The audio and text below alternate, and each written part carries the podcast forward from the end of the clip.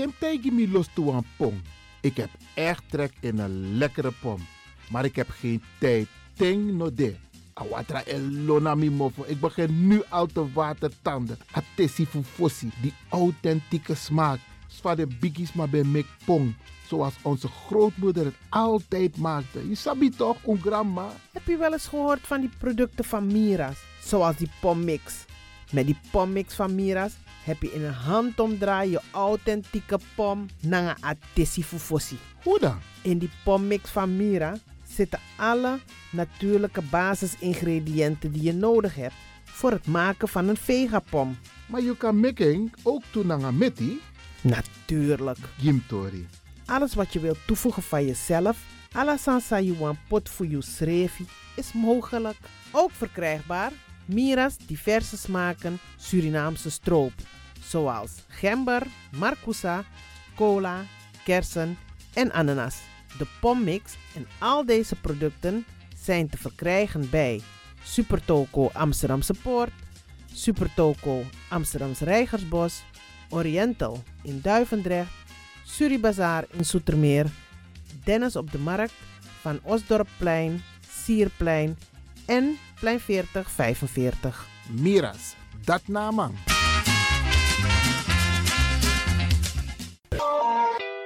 Is all you need. And when the time comes, we'll all come back stronger than ever. Together. De wereld is drastisch veranderd. Per 1 juni 2020 is het in Nederland verplicht dat iedereen ouder dan 13 jaar een mondkapje op moet hebben tijdens het reizen met het openbaar vervoer. In de trein, in de metro, in de bus, in de tram, op de veerpont en met het aanvullend openbaar vervoer. Zonder mondkapje wordt men verzocht uit te stappen en riskeert men een boete van 95 euro. Bent u al voorbereid op deze nieuwe maatregel? Bent u al in het bezit van mondkapjes? Mondkapje Benelux biedt u kwalitatief goede mondkapjes voor een redelijke prijs. Hoe komt u in het bezit van deze mondkapjes? Met andere woorden, waar kunt u ze bestellen? Dat kan via www.mondkapjebenelux.nl. Ook te bestellen via Facebook op Mondkapje Benelux. Aarzel niet en bestel via www.mondkapjebenelux.nl of via Facebook Mondkapje Benelux. Voorkom onnodige boetes van 95 euro voor u of uw gezinsleden. Mondkapje Benelux. Samen sterk. Is all you need. And when the time comes, we'll all come back stronger than ever. Together.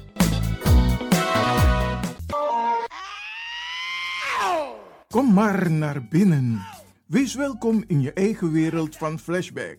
Een programma van DJ X-Don via Radio De Leon. Waarbij wij teruggaan in de tijd met muziek. Deelname als lid is simpel. Schrijf je in en doe mee. Met de vermelding van jouw naam en e-mail. E-mail djxdonmusic at gmail.com Even spellen. Dirk, Jan, Anton, Xantippe, Dirk, Otto, Nico, Marie, Utrecht, Simon, Isaac, Corneels gmail.com.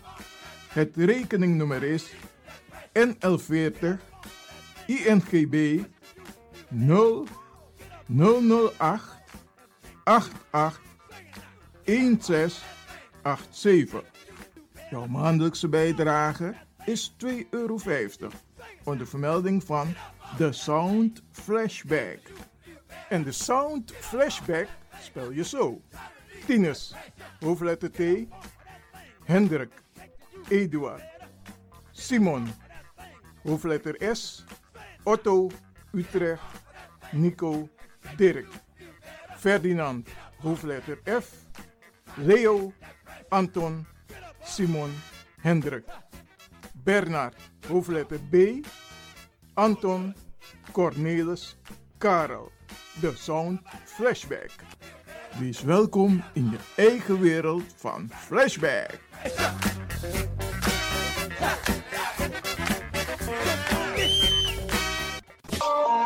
De Leon, the power station in Amsterdam. Right now, I'm feeling like a lion. Tego na dapper strati, a voyo, bij Moesop Sana Melis Winkri. Daarbij je vinden alles aan van. De volgende producten kunt u bij Melis kopen.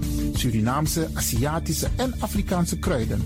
Accolade, Florida water, rooswater, diverse Assange smaken, Afrikaanse kalebassen, bobolo, dat na brood, groenten uit Afrika en Suriname, verse zuurzak, yamsi, Afrikaanse gember, Chinese taier, we kokoyam van Afrika, kokoskronten uit Ghana, ampeng, dat naar groene banaan, uit Afrika, bloeddrukverlagende kruiden zoals white hibiscus, naar red hibiscus, tef, dat nou een natuurproduct voor diabetes en hoge bloeddruk en ook diverse vissoorten zoals bachao en nog veel meer. Kom gewoon even langs. Sakona Melis Winkri Tapuna Boyo. Melis Tropical voor African, Asian en Caribische producten. Dappermarkt aan de Dapperstraat 289 in Amsterdam Oost. Telefoonnummer is 064 256 6176 of 065 091 2943. Melis Tropical.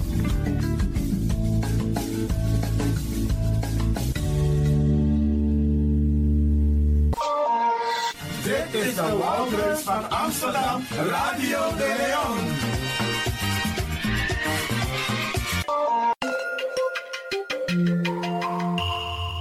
Je luistert naar Caribbean FM, de stem van Caribisch Amsterdam.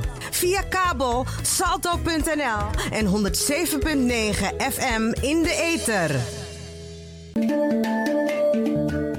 Ook deze krijgt het podium via Radio de Leon. Dames en heren luisteraars, gaat u luisteren naar een vertolking van Chrisje Itte Wanterong. Radio de Leon, meeswinger van de dag.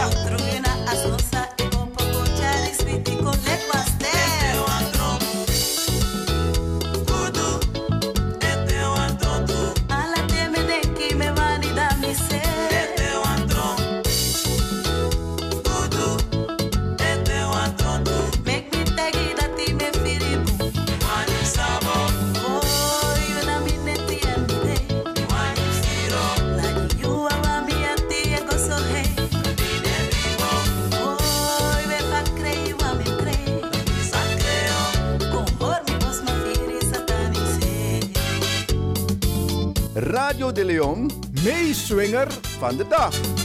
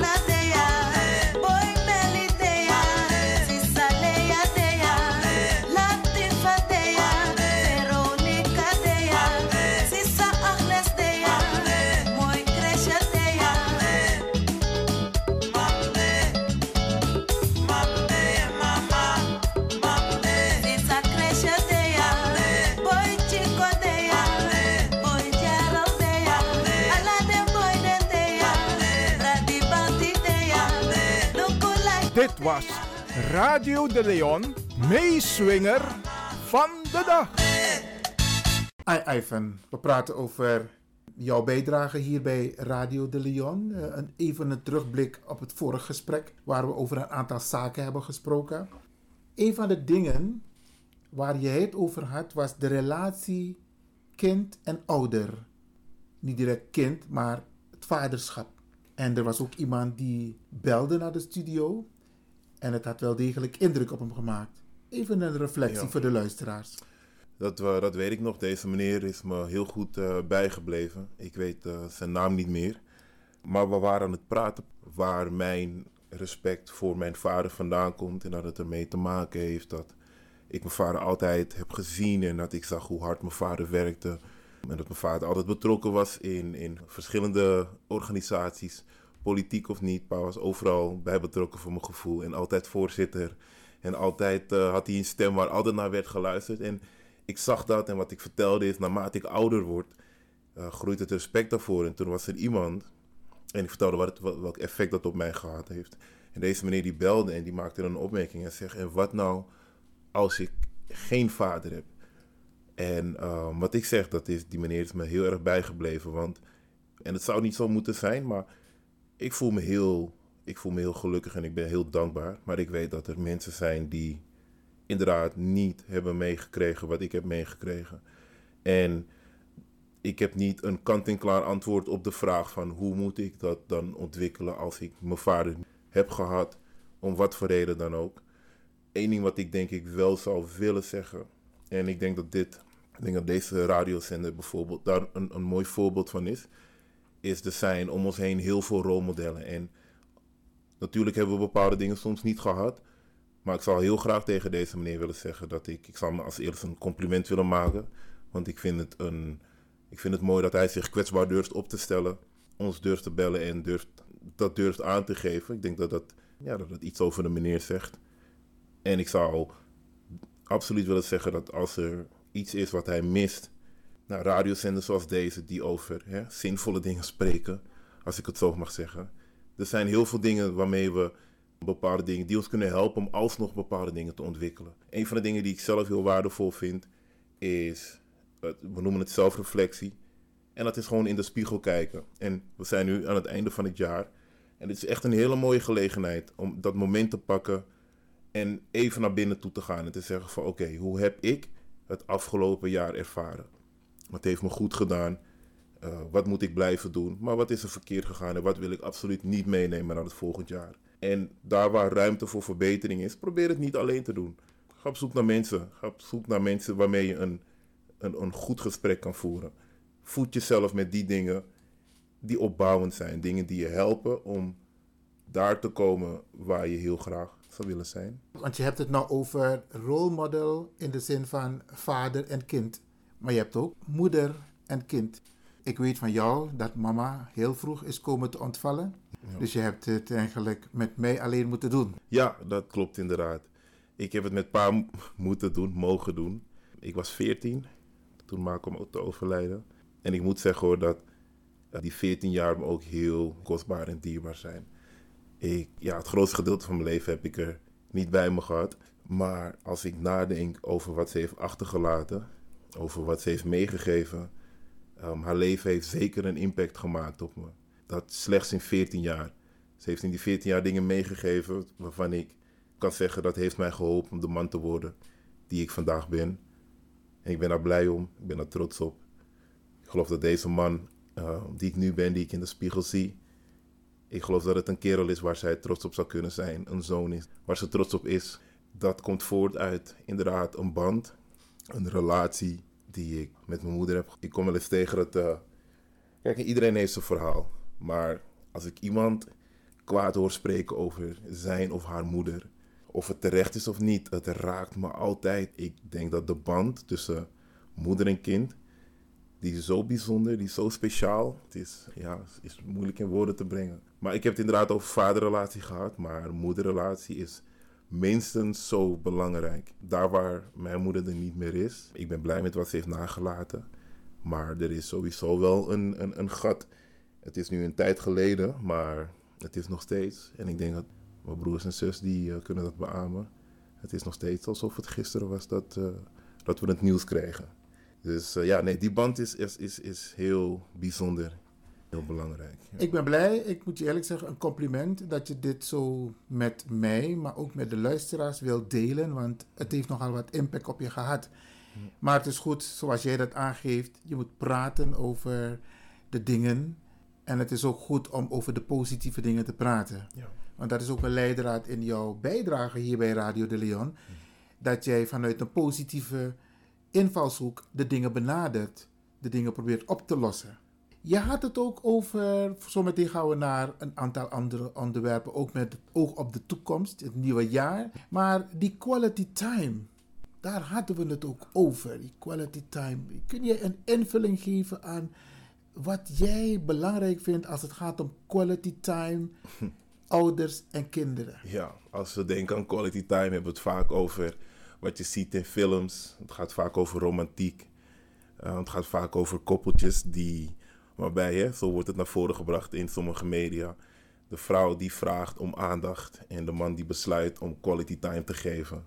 Maar ik geloof dat uh, als je het hebt over kwaliteit in de tijd die je hebt met elkaar, dat is belangrijk voor elke relatie. Elke relatie waarin ik in wil investeren, zal ik bewust een keuze moeten maken om een betere kwaliteit na te jagen. Dus betere gesprekken, een betere band, meer vertrouwen. En iemand die vertelde me ooit, ik heb het in een boek gelezen, ik weet het niet meer, maar het staat me heel erg bij, dat de kwaliteit van een relatie, dat die groeit, dat die toeneemt door middel van positieve momenten. Dus momenten die je samen hebt en dat die positieve zijn, dat het positieve zijn, dus mooie herinneringen maken, um, goede gesprekken, lachen met elkaar, eten met elkaar, huilen met elkaar, elkaar opvangen, het opnemen voor elkaar. Um, ja, gewoon echt er zijn voor elkaar. Dus, dus die dingen. Ervoor kiezen dat ook al is er even wat, wat ruzie, even wat spanning. Om te zeggen van nee, we gaan het niet hierbij laten. Je bent mijn broer, je bent mijn zus, je bent iemand die belangrijk voor me is. Ik ga knokken voor je en ik ga proberen te luisteren naar je. Dat zijn die dingen. Echt, als, als, als dat lukt, dat doorzet en het het vindt zijn doel, dan heb je een moment waar je op terug kan kijken. Dan is het alsof je een, een paal in de, grond slaat en een mijlpaal hebt dus. Van dit is iets wat we bereikt hebben en we gaan vanaf dit punt verder. Dus kwaliteit, zo belangrijk. Waarom zeg je dit? Is het omdat je dat mist in de samenleving? Kom je mensen tegen die uh, ja, op, niet op deze manier ermee omgaan, die quality time? Of snappen ze het niet? Weten ze het niet dat het een onderdeel is van het leven? Waarom zeg je dit? Nou, ik moet in alle eerlijkheid zeggen, uh, ik probeer het vooral bij mezelf te houden. Ik heb gemerkt wat dit mij oplevert. En ik merk wat het, wat het met de mensen om mij heen doet. En ik moet zeggen, ik had voorheen had ik, uh, had ik een hele grote, hele grote kring aan vrienden ik kende zoveel mensen. En ik probeerde ook echt al die mensen die ik kende, ik probeerde daar een band mee te onderhouden. Maar het lukte niet. En op het moment dat je gaat voor kwaliteit en niet kwantiteit, ben ik erachter gekomen dat je, ja, dan, dan is het dat je dan minder mensen om je heen gaat hebben. Wat niet per se erg is. Je hoeft niet per se hele close en hele goede vrienden met iedereen te zijn. Maar het is belangrijk dat de mensen waar, uh, waar je tijd het meeste in zit, dus de mensen waarmee je het meeste contact mee hebt, mensen die het meeste ziet, het vaakst ziet, dat je daar kwaliteit mee hebt. Ik denk dat dat heel belangrijk is. En ik zie welk effect dat op me heeft. Het geeft me, het geeft me energie, het bouwt me op, het geeft me nieuwe inzichten. Dus ik probeer het vooral bij mezelf te houden, maar ik moet wel zeggen dat ik denk wel dat we leven natuurlijk in een maatschappij die heel erg een boodschap geeft van zorg ervoor dat je je zaken geregeld hebt. Zorg ervoor dat je de beste bent. Zorg ervoor dat je alles haalt wat te halen is en dat je pakt wat je pakken kan. Um, en wat dat doet met ons is, we zijn heel erg met onszelf bezig. We zijn heel erg, ja, bijna individualistisch wil ik zeggen. Ik denk dat als mensen zijn we toch, of we het willen horen of niet, maar we zijn gezelschapsdieren. We houden van contact. Ik denk dat we het, het meeste uit onszelf halen op het moment dat we in contact zijn met anderen. En dan is de vraag van hoe sta je in contact met elkaar? Ik denk één, ja, laten we bewust zijn dat we niet uh, laten we er bewust van zijn dat we niet een individu zijn, ook al worden we wel gepusht om heel erg met onszelf bezig te zijn. Om, als we kijken naar social media, zorg ervoor dat je er op een bepaalde manier uitziet. Doe wat nodig is. Ik hoef daar niet te veel op in te gaan. En de rest laten liggen. En de rest laten liggen, inderdaad, ja. Maar daarmee dus ook jezelf laten liggen. Want ik denk dus dat je jezelf vindt in het contact met anderen, in de kwaliteit van de relatie die je met anderen hebt. Dat is waar je jezelf ontdekt en waar je jezelf vindt. Dus quality time is, uh, is zo belangrijk. Een heel mooi onderwerp. Dankjewel voor deze mooie analyse, maar ook tips. Want je geeft heel veel tips mee hè? aan de mensen die dus nu luisteren. Want als we kijken naar de toekomst. Ik heb hier een paar kernwoorden mm -hmm. opgeschreven waar ik over met jou wil praten.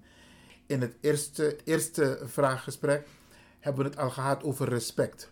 Maar misschien nog even herhalen hoe belangrijk respect is. Met name naar jongeren toe, omdat vaak merk ik in gesprekken met mm-hmm. ouderen, senioren, volwassenen, dat jongeren en ouders, zeg maar, mensen ja. die ietsje ouder zijn, dat ze niet op één level zitten. Ja.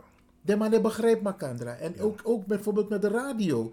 Jongeren luisteren niet bijvoorbeeld makkelijk naar de Caribische zender. Ze ja. luisteren naar Phoenix. Ja. Snap je? Of ze luisteren naar een heel andere zender. Ja. Kun je daar als tips meegeven? Kijk, ik denk, het hebben over opvoeding.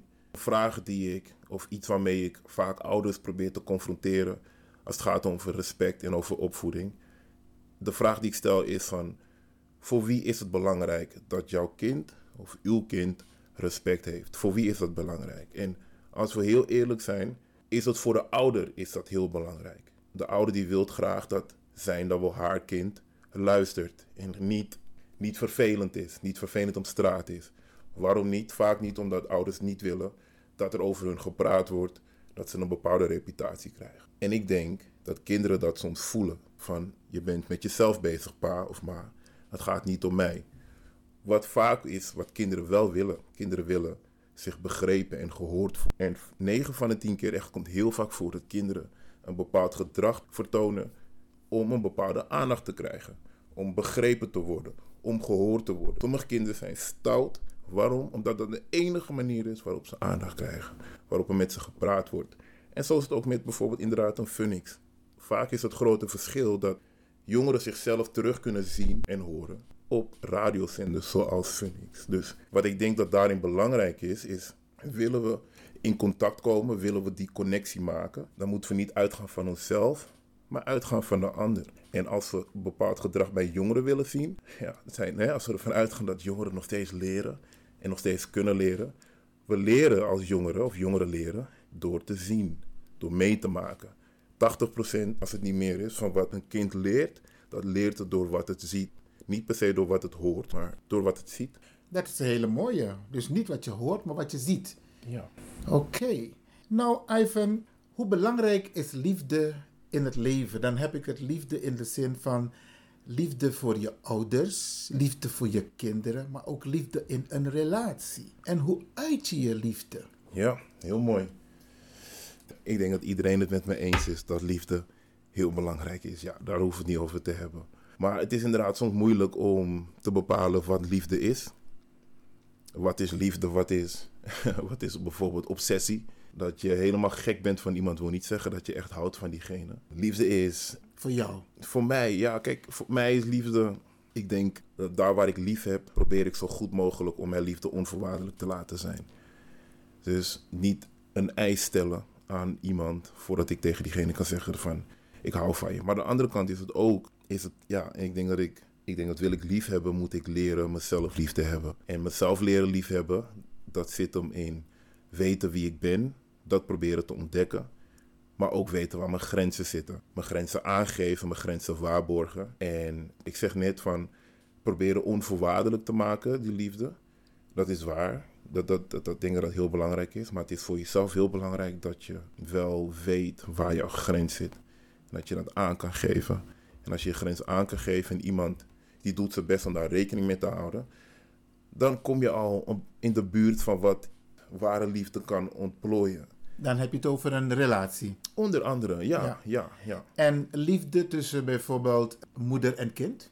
vader en kind. Ja. Soms zeggen kinderen, ja, je houdt niet van mij, maar je houdt meer van de ander. En je verwendt die eerder en die krijgt alles voor elkaar. en die mag alles doen omdat die ietsje pinter is op school.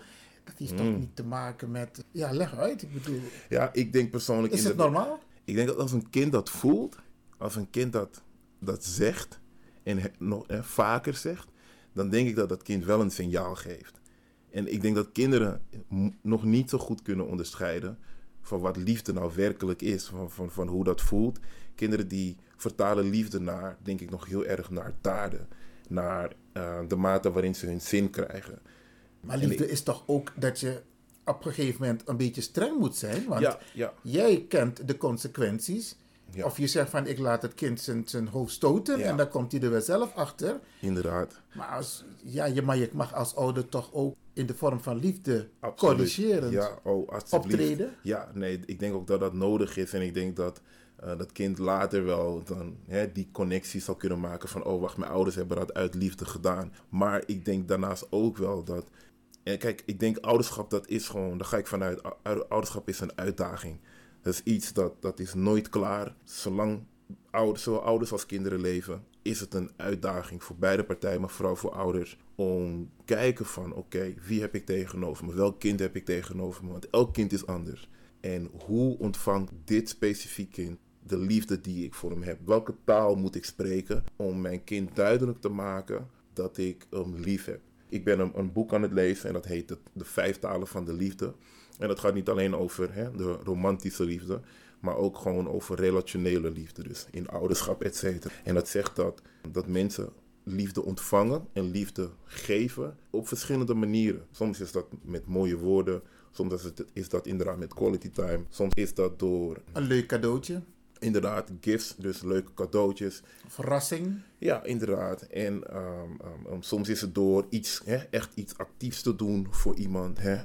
En soms is dat ook, ik geloof, En attent zijn bijvoorbeeld. eh, Ja. In de zin van, eh, hoe gaat het met je? Ja, Eh, ja, hoe inderdaad, was ja, dus een luisterend je- oor. Ja, luisterend oor. Ja. Ja, ja, heel, hè, dus aandacht. Dat is, nou, voor de ene is aandacht helemaal niks, maar voor de ander is dat alles.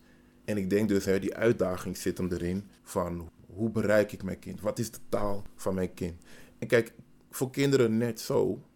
Maar nogmaals, kinderen leren dus van wat ze zien, denk ik. Dus als een kind ziet dat een ouder zijn dan wel haar best doet om die verbinding te maken, niet ervoor kiest om boos te worden. Nee, maar gewoon om de tijd te nemen en om het kind aan te kijken en te zeggen van oké, wat wil je? Hoe gaan we dit doen? Hoe gaan we dit oplossen? Je voelt je op een passie, je voelt je op een bepaalde manier. Wat kunnen we doen om dit tegemoet te gaan, om het op te lossen? Want slaan helpt niet altijd, schreeuwen helpt niet.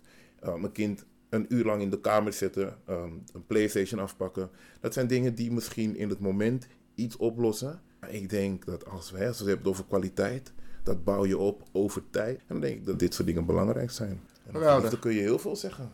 Ivan, eh, beste mensen, ik praat hier dus met Ivan, mijn zoon. Ik ben trots op hem, want we kunnen gezellig en goed levelen met elkaar, dat merkt u.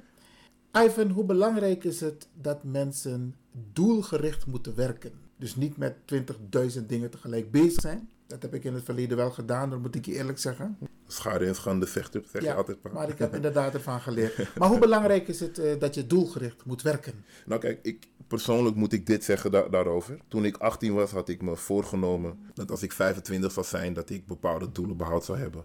Ik zou mijn papieren gehaald hebben, mijn schoolpapieren. Ik zou mijn, partner gevonden hebben en we zouden in- getrouwd zijn en in verwachting van ons eerste kindje. Dat was, eh, dat was mijn doel toen ik 18 was, voor mijn 25ste. Ik ben 37 en als ik, het, eh, als, ik, als ik terugblik, dan heb ik soms het idee van waar is het misgegaan. Wat ik, daarop, wat ik daarmee wil zeggen. Ik ben trouwens... Misschien, misschien ben je er nog niet klaar voor. Ja, nou precies. Ik heb geprobeerd om met doelen te werken. Maar ik moest, op een gegeven moment moest ik eerlijk zijn en zeggen van... Oké, of je stelt verkeerde doelen. Of jij bent een persoon die, die het moet hebben van korte termijn doelen. Dus niet lange termijn doelen, maar korte termijn doelen. Mijn leven is gewoon één groot avontuur. En als ik terugkijk, inderdaad avontuurlijk. Maar het is wel heel mooi geweest doordat ik heel veel avonturen heb gehad. Ik heb heel veel gezien, heel veel geleerd, heel veel gehoord. En daar ben ik blij mee. Sommige mensen werkt het absoluut wel. Want ik ken mensen die een planning gemaakt hebben. En die hun pl- planning dus echt precies nauwkeurig hebben nageleefd. Maar die mensen die weten dat van zichzelf. Dus ik denk in de eerste instantie om goed na te gaan voor jezelf. Oké, wat werkt voor mij? Lange termijn doelen, korte termijn doelen. Wat wel belangrijk is, is dat je inderdaad wel je tijd en energie bewust, bewust besteedt aan iets. Um, dat je een doel voor ogen hebt. En als het niet iets concreets is, dat het dan abstract is. Dus met andere woorden, als het niet is van over vijf jaar heb ik zoveel geld op de bank staan. Dat het dan op zijn minst een doel is van ik wil me ontwikkelen. Ik wil een beter persoon worden. Ik wil een betere vader worden. Het is nog niet per se zeker van wat dat betekent. Maar dat is dan iets wat je wel tegemoet gaat. Dus dan heb je wel een richting. Dan heb je wel een houvast. Kun je wel zeggen van ik maak deze keuze. Want ik wil hierin groeien. Ik wil dit ontwikkelen. Ik wil daarin beter worden. Dus voor de een is het korte termijn. Voor de ander is het lange termijn. Voor de een is het concreet. Voor de ander is het niet concreet. Maar wat het ook is, kort, lang, concreet of abstract. Ik denk wel dat het belangrijk is. En bijvoorbeeld terug te blikken. Hè. We zijn nu eind 2020. Kijk wat heeft gewerkt. Wat heb je daadwerkelijk? En niet corona de schuld voor alles geven. Gewoon durven eerlijk te zijn. En naar jezelf toe. Desnoods in de badkamer sluit je op. En dan gewoon eerlijk die vraag durven te stellen. Ik, ik hou ervan om wat te doen met pen en papier. Wat is goed gegaan? Wat moet ik blijven doen? Wat is niet goed gegaan? Wat moet ik veranderen? En hoe kan ik dat doen? Wat is een korte termijn doel, lange termijn? En ik ben geen doelenspecialist, maar ik deel gewoon mijn ervaring. Voor wie luistert en denkt dat hij zich daarin kan vinden. Ik hoor jou niet zeggen van tussentijds aanpassen. Je hebt een doel. Ja. Het schijnt niet haalbaar te zijn. Je wil het wel, maar Ja. het, het, het zal niet lukken. Wat about tussentijdse wijziging, aanpassen van het doel? Kijk, ik had het er net over uh, zelfontwikkeling, hoe belangrijk dat is. Wat ik persoonlijk doe, neem heel vaak de tijd, ik noem het naar binnen te gaan. Dus dat moment te pakken dat ik even naar mezelf kijk. Vaak als ik druk ben geweest, dan merk ik dat ik moe word, dat ik vermoeid ben. Niet alleen fysiek, maar vaak ook mentaal. En vaak is dat voor mij persoonlijk een moment om zoiets te hebben van oké, hetgene wat je aan het doen bent, levert, levert het je iets op of kost het je alleen maar? En als ik zeg maar geen, als ik daarop niet kan antwoorden dat het me iets oplevert, dan moet ik nagaan van oké, wat ben ik dan aan het doen en wat moet ik daarin veranderen? Dus inderdaad, goed punt. Evalueren, reflecteren, waar ik zeg naar binnen gaan, die momenten pakken. En dan, zeg ik het weer, ik had het er net had ik het er ook over. Dat lukt mij lang niet alleen. Ik hou ervan, soms kom ik bij pa, we eten wat. En dan begin ik over een onderwerp. En niet eens per se direct de vraag stel, maar dat ik gewoon een onderwerp deel. Gewoon puur een paar gedachten daarover te horen. En ik leer daarvan. We hadden het laatst over een jongere. Ik mag niet op heel veel dingen ingaan, maar we, zaten in een conflict. Uh, op mijn werk heb ik, toen we het erover. Ik heb niet specifiek die vraag gesteld, maar ik heb het meegenomen. Ik heb dat voorbereid voor het volgende gesprek dat ik met die jongere ga hebben. En het heeft me nu al zoveel rust gegeven. Dus met andere woorden, als het gaat om zelfontwikkeling, misschien heb je bepaalde dingen niet gehad in je leven, maar je kan vandaag de keuze maken om mensen te betrekken in je eigen proces. Soms hoef je niet eens te benoemen van hey, wil je me hierbij helpen? Maar ga een goed gesprek aan en ga het gesprek open in. Probeer te leren, probeer te ontwikkelen. Evalueren en reflecteren. Als het alleen niet lukt, grijp om je heen. Lees een boek, kijk op YouTube. Bel mij, bel De Leon. Geweldig.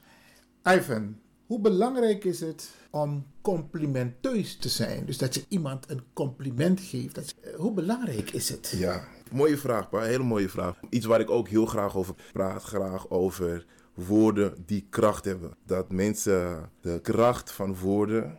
Ik denk dat we dat met z'n allen nog niet eens begrijpen. Ik denk niet dat we doorhebben dat we iemand kunnen opbouwen of kunnen afbreken met wat er uit onze mond komt. Of we beseffen het wel en we passen het te weinig toe of we passen het verkeerd toe. Dat we ervoor kiezen om iemand af te breken. En ik, ben, ik, ik heb gezien, ik heb heel veel gezien en gehoord. En wat ik vaak merk, is dat mensen bang zijn om complimenteus te zijn. Waarom? Ze zijn bang dat wanneer ze een ander een compliment maken, dat ze daarvoor iets van zichzelf moeten opgeven. Dat het ten koste gaat van hunzelf. En dat is vaak hun ego. Vaak is het ons ego die tegen ons zegt van no, niet doen. In plaats van iets goed over iemand anders zeggen. Haal hem naar beneden in plaats van dat je hem opbouwt. Haal hem naar beneden zodat jij boven hem uitkomt. Realiteit is dat wanneer we iemand anders opbouwen, wanneer we onze woorden gebruiken om iemand positief toe te spreken, om een compliment te maken, bouwen we niet alleen de ander op, maar we bouwen ook onszelf op. En ik durf iedereen die luistert, durf ik uit te dagen om dat uit te proberen. Kijk eens wat het met u doet. Kijk eens wat het met jou doet op het moment dat je iemand een compliment maakt en zonder daar iets voor terug te verwachten. Het effect is altijd dat de ander, niet alleen de ander wordt opgebouwd, maar degene die de woorden uitspreekt, de woorden zelf ook hoort en in status is om dat te kunnen doen, zelf ook enorm opgebouwd. Over complimenteus zijn gesproken. En naar kinderen toe, heel belangrijk hè. Die discussie hebben we volgens mij ook een keer gehad. Dat je kinderen altijd een compliment moet geven als ze een bepaalde prestatie hebben geleverd. Ja. Maar ook als ze iets niet hebben gehaald. Dus in de zin van, Ja. nou volgende keer doe je ietsje harder je best. Ja, wat ik denk dat het, zeker als het gaat om kinderen, gaat het niet alleen over complimenten geven. Het gaat om een kind bevestigen. Een kind heeft bevestiging. Een kind heeft zijn ouders nodig om die boodschap mee te krijgen van jij bestaat om een reden. Jouw leven is waardevol, is zinvol. Ook al komt niet alles waar je tijd en energie in steekt heel goed uit. Hè? Dus je traint voor een voetbalwedstrijd en je verliest. Nog steeds kun je een kind bevestigen. Nog steeds kan een kind de boodschap meekrijgen dat wie hij of zij is, dat het waardevol is en dat het zinvol is. Dat het verdient om liefde te krijgen. Dat een kind het waardig is om liefde te krijgen. Ongeacht van wat het leven soms met zich mee kan brengen, de manier waarop ouders hun kinderen kunnen bevestigen, kan niemand dat. Je hebt ouders die heel grof praten tegen hun kinderen. Je hebt ouders die heel agressief zijn tegenover hun kinderen. Je hebt ouders die schelden hun kinderen vies en vuil uit. Wat kunnen we deze ouders meegeven als ik zo naar je luister? Hoe belangrijk het is, want het kind wat je nu opvoedt, die komt later in de maatschappij. En ze Ja. zeggen wel eens, jong geleerd is oud gedaan. Ja, inderdaad. Nou, en ik denk dat is vaak waar het bij degene die het zelf doet ook mis is gegaan. Dus ik zou, voor ik iets van advies zou willen geven, en ik ben zeker als ik, ik, was ooit in een, op, ik was ooit op een feestje. Nou, het was niet eens een feestje, ik was ooit bij iemand thuis. Een vriendin van me, die hoor ik inderdaad tekeer gaan tegen de zoontje. En eh, ze scheldt hem uit voor rotjoch, rotjoch. En ze roept dat een paar keer. Ik kon niet meer. Ik zeg, waarom, waarom zeg je dat tegen hem? En ze zegt tegen mij, is toch een rotjoch? Ik zeg, yo, weet je wel wat je uitspreekt over je eigen zoon? Weet je wel wat je met hem doet? Dat gesprek is op niks uitgelopen, want het kon haar echt niks schelen. En ze zag het Ik kwaad niet ik van in. denk op dat moment niet, maar ze heeft er wel over nagedacht. Ik, eh, ik, ik hoop het. Ik hoop het van harte. Ik ben op een gegeven moment ben ik erachter gekomen dat dat is wat zij vaak zelf ook gehoord heeft. Dus de vraag van waar, niet van waarom doe je dat, maar wie heeft dat ooit tegen jou gezegd? En jammer genoeg was daar dus een antwoord op. Zij heeft dat zelf ook meegekregen. Ik probeer voor mezelf altijd een bewuste keuze te maken of heel goed na te denken van oké, een paar dingen heb ik meegekregen, die wil ik voortzetten. Een paar dingen heb ik opgevangen en meegekregen, maar die stoppen absoluut bij mij. Ik denk niet dat zij, ik haal er even aan het voorbeeld en ik kijk absoluut ook niet op haar neer. Uh, maar ik gebruik het wel even als een voorbeeld, want ik denk dat het iets is wat heel herkenbaar is. Ik denk dus dat bepaalde dingen hebben wij meegekregen. En we hebben het zelf ook niet als fijn ervaren, maar het is normaal geworden voor ons. En wij kunnen die keuze maken. Wij kunnen zeggen van nee, ik ga het anders doen. En ik moet zeggen, ik ken heel veel mensen die het inderdaad anders doen. En die ervoor kiezen om bepaalde dingen niet voor te zetten. Zeker als het gaat om kinderen die nog, een, uh, die nog weerstand moeten ontwikkelen. Dus die, nog moeten, die het nog moeten ontwikkelen hoe ze zich moeten verweren, zeg maar, in deze hè, vrij harde wereld. Je bevestigt een kind niet door op die manier tot hem te spreken. En nogmaals, dan komt ook die vraag weer, want voor wie is dat? Voor wie heeft het zin om zo tegen dat kind te spreken? Want hij zelf, of zij zelf, heeft er niks aan, wordt er door afgebroken. Ja, en voor jezelf, ja, is het misschien hè, lekker om je frustratie te uiten. Maar ja, wat zijn we aan het doen? We zijn volgens mij een kind aan het opvoeden. Niet een kind aan het gebruiken om eigen ego te strelen. En ego strelen is dus ook een kind gebruiken om je frustratie te uiten, zeg maar. Want dat is ook iets wat vanuit ego komt. We hebben niet veel tijd meer, maar er zijn toch nog een paar dingen die ik even jouw visie over wil hebben. Hoe belangrijk is het dat er gecommuniceerd wordt? Soms maar sommige Surinamers, met name Afro, hebben ook niet geleerd hoe te communiceren. Je moet het maar accepteren. Dit is wat ik zeg en je moet het gewoon doen. Ja. Dus vaak zegt men ook ik wil. Ja. Dus men zegt niet van ik stel voor of zullen wij of wat ja. denk je. Maar men legt het meteen op. Hoe belangrijk is die communicatie? Ik denk communicatie. Wil een, een, een schip dat de, de, de oever verlaat, wil het zijn bestemming bereiken. als er geen communicatie is, het maakt niet uit of het een schip is dat wordt aangestuurd door een motor of hè, met, eh, met roeiers. En dan zal het geen schip zijn, maar een boot. Maar wil hij, hè, dus degene die opstapt, zijn bestemming bereiken, je gaat er niet komen als je niet onderling gecommuniceerd wordt. Hoe belangrijk is communicatie? Nou, hoe belangrijk is de bestemming waar je samen naartoe wilt? Ik denk dat dat een goede vraag is. Waar willen we samen naartoe? En als we ergens naartoe willen, communiceren is niet alleen zenden, maar ik denk nog meer ontvangen. Dus nog meer luisteren, anderen de ruimte geven. En ik denk, ik denk dat het, ik, natuurlijk, ik, ik moet, ik denk dat juist omdat het zo belangrijk is, denk ik dat het moeilijk is. Omdat het zo belangrijk is. Communicatie. Maar waar ik het net over had, is iedereen heeft een eigen taal. En ik denk dat, we, ik denk dat het zo belangrijk is om, als iemand tegenover je zit, om niet met jezelf bezig te zijn, maar om bezig te zijn met de taal van de ander. Wil je echt connecten met iemand, wil je echt verbinding met iemand maken, wat essentieel is om dus samen te groeien, te ontwikkelen, om ergens te komen, om vooruit te komen, om je bestemming te bereiken. Zou je dat willen, wil je connecten, wil je die verbinding maken, zul je toch echt bij jezelf na moeten gaan van oké, welke taal moet ik spreken zodat jij mij begrijpt, zodat wij op één lijn kunnen blijven, zodat we in contact blijven, zodat we in verbinding blijven. En dan zal het zo zijn dat misschien hè, de een die praat makkelijker en die praat meer. En dat is niet erg. Hè? Dat wat ik zeg, je, je hoeft niet per se iets te verliezen door een ander meer ruimte te geven. Maar ik denk, ja, probeer voor jezelf na te gaan. Van oké, als jij iemand bent die houdt van praten, die houdt van meer praten, dat, dan ik dat vind, of je geeft mij weinig, te weinig ruimte. Ik ken mensen die houden van veel praten. En ik ben zelf ook wel een prater. Ik, ik, ik heb vaker mensen tegenover me waarbij ik even moet checken van hey, praat ik niet te veel? Wil jij niet wat zeggen? Herkenbaar. Uh, ja, nou, kijk. maar um, vind elkaar daarin. En ook dat gewoon uitspreken. Dat, ja, want dat ze, zeggen, ze zeggen wel eens: communicatie is de oplossing voor elk probleem. Ja, ik denk het wel. Wat wil je doen, Anders? Ja. Ivan, als laatste. Als laatste we staan aan het begin van een nieuw jaar. Mm -hmm. In principe willen we dit jaar heel snel vergeten. Met al die maatschappelijke wereldproblemen, medische problemen die we hebben ondervonden. Mm -hmm. Maar desalniettemin staat er een nieuw jaar voor de deur. Ja. Voornemens, als we kijken naar al die kernwoorden die we hebben gehad. Mm -hmm. Respect, normen en waarden, liefde, doelgericht, voornemens, complimenten uitdelen, ja. vaderschap, opvoeding. Wat zouden we in het nieuwe jaar zeker moeten oppakken als voornemen? Zeker als voornemen.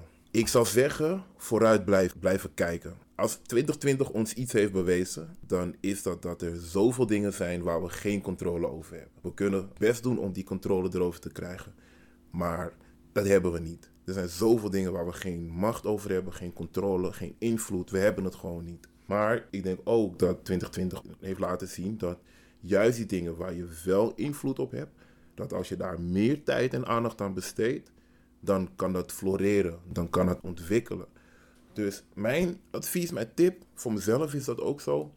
Blijf doorgaan en focus je dan op de dingen die je wel kunt beïnvloeden, wel kunt veranderen. En allemaal vanuit hè, een positieve benadering. Focus je op die dingen. Ik ken mensen die ontslagen zijn bij hun werk, hun dromen zijn na gaan jagen.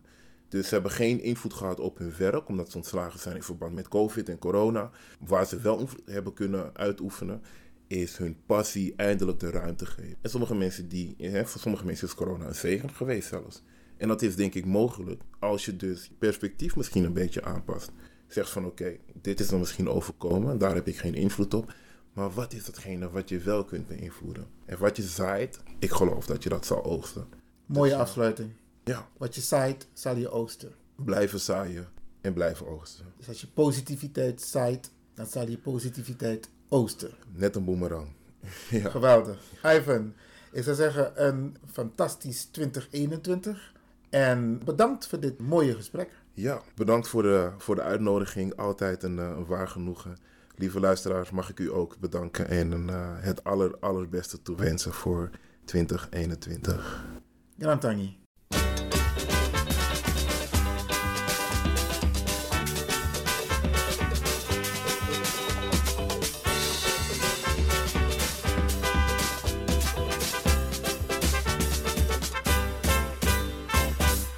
Geschiedenis van de Kaseko-muziek.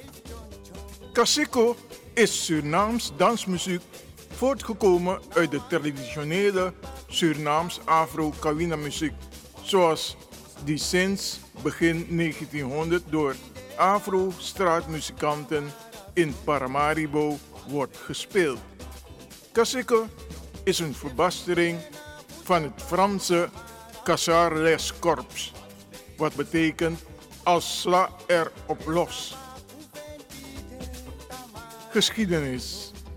Er werden twee elementen van de Kawina overgenomen: de vraag- en antwoordzang en het gebruik van percussie-instrumenten.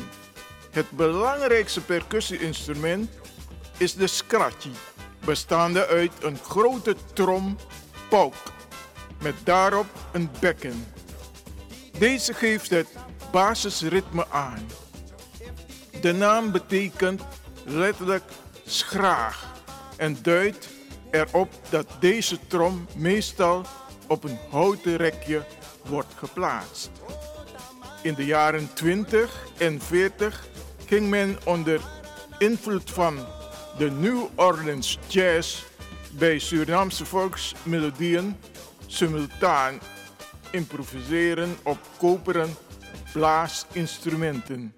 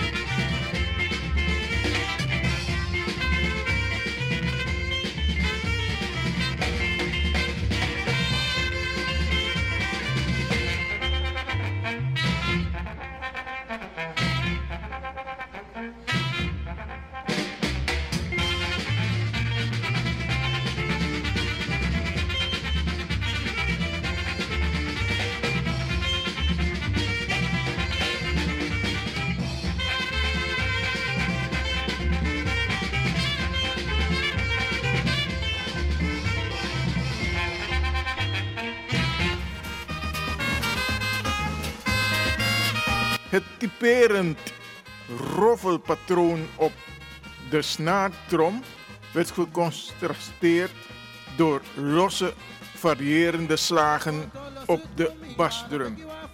Deze Biggie werd op volkse dansfeesten ook gespeeld door leden van de militaire kapel buiten diensttijd. Na de Tweede Wereldoorlog werd deze muziekvorm sterk beïnvloed door de Latijns-Amerikaanse muziek en calypso, wat resulteerde in een nieuwe Surinaamse muzieksoort die cassico werd genoemd. en snel populair werd. De percussie-instrumenten werden door de invloed van rock en popmuziek aangevuld met westerse popmuziekinstrumenten, zoals een elektrische gitaar, een basgitaar en een drumstel. Ook nam het geluid van het elektrisch orgel toe. Dit was in het kort de geschiedenis van Kasiko muziek. Ik dank u voor uw aandacht.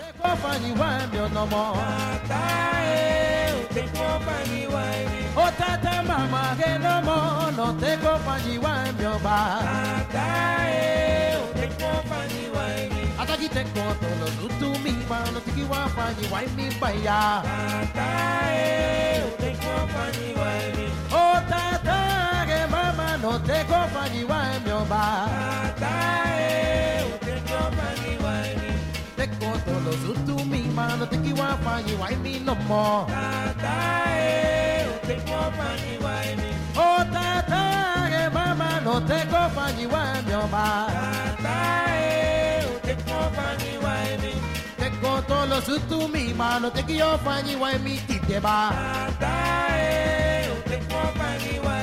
Oh tata, que mama no te compañía en mi hogar. Te conto lo su tu mi mano, te quiero compañía en mi tite ba. Oh tata,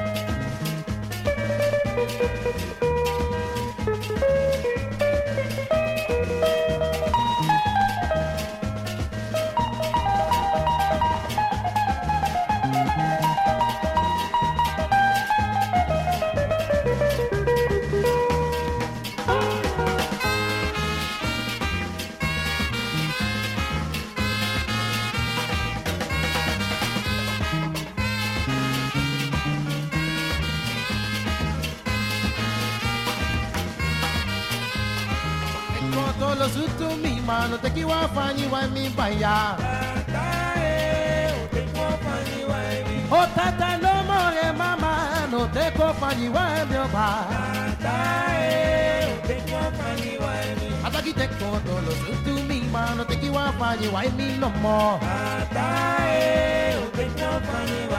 Oh tata mama eh no mo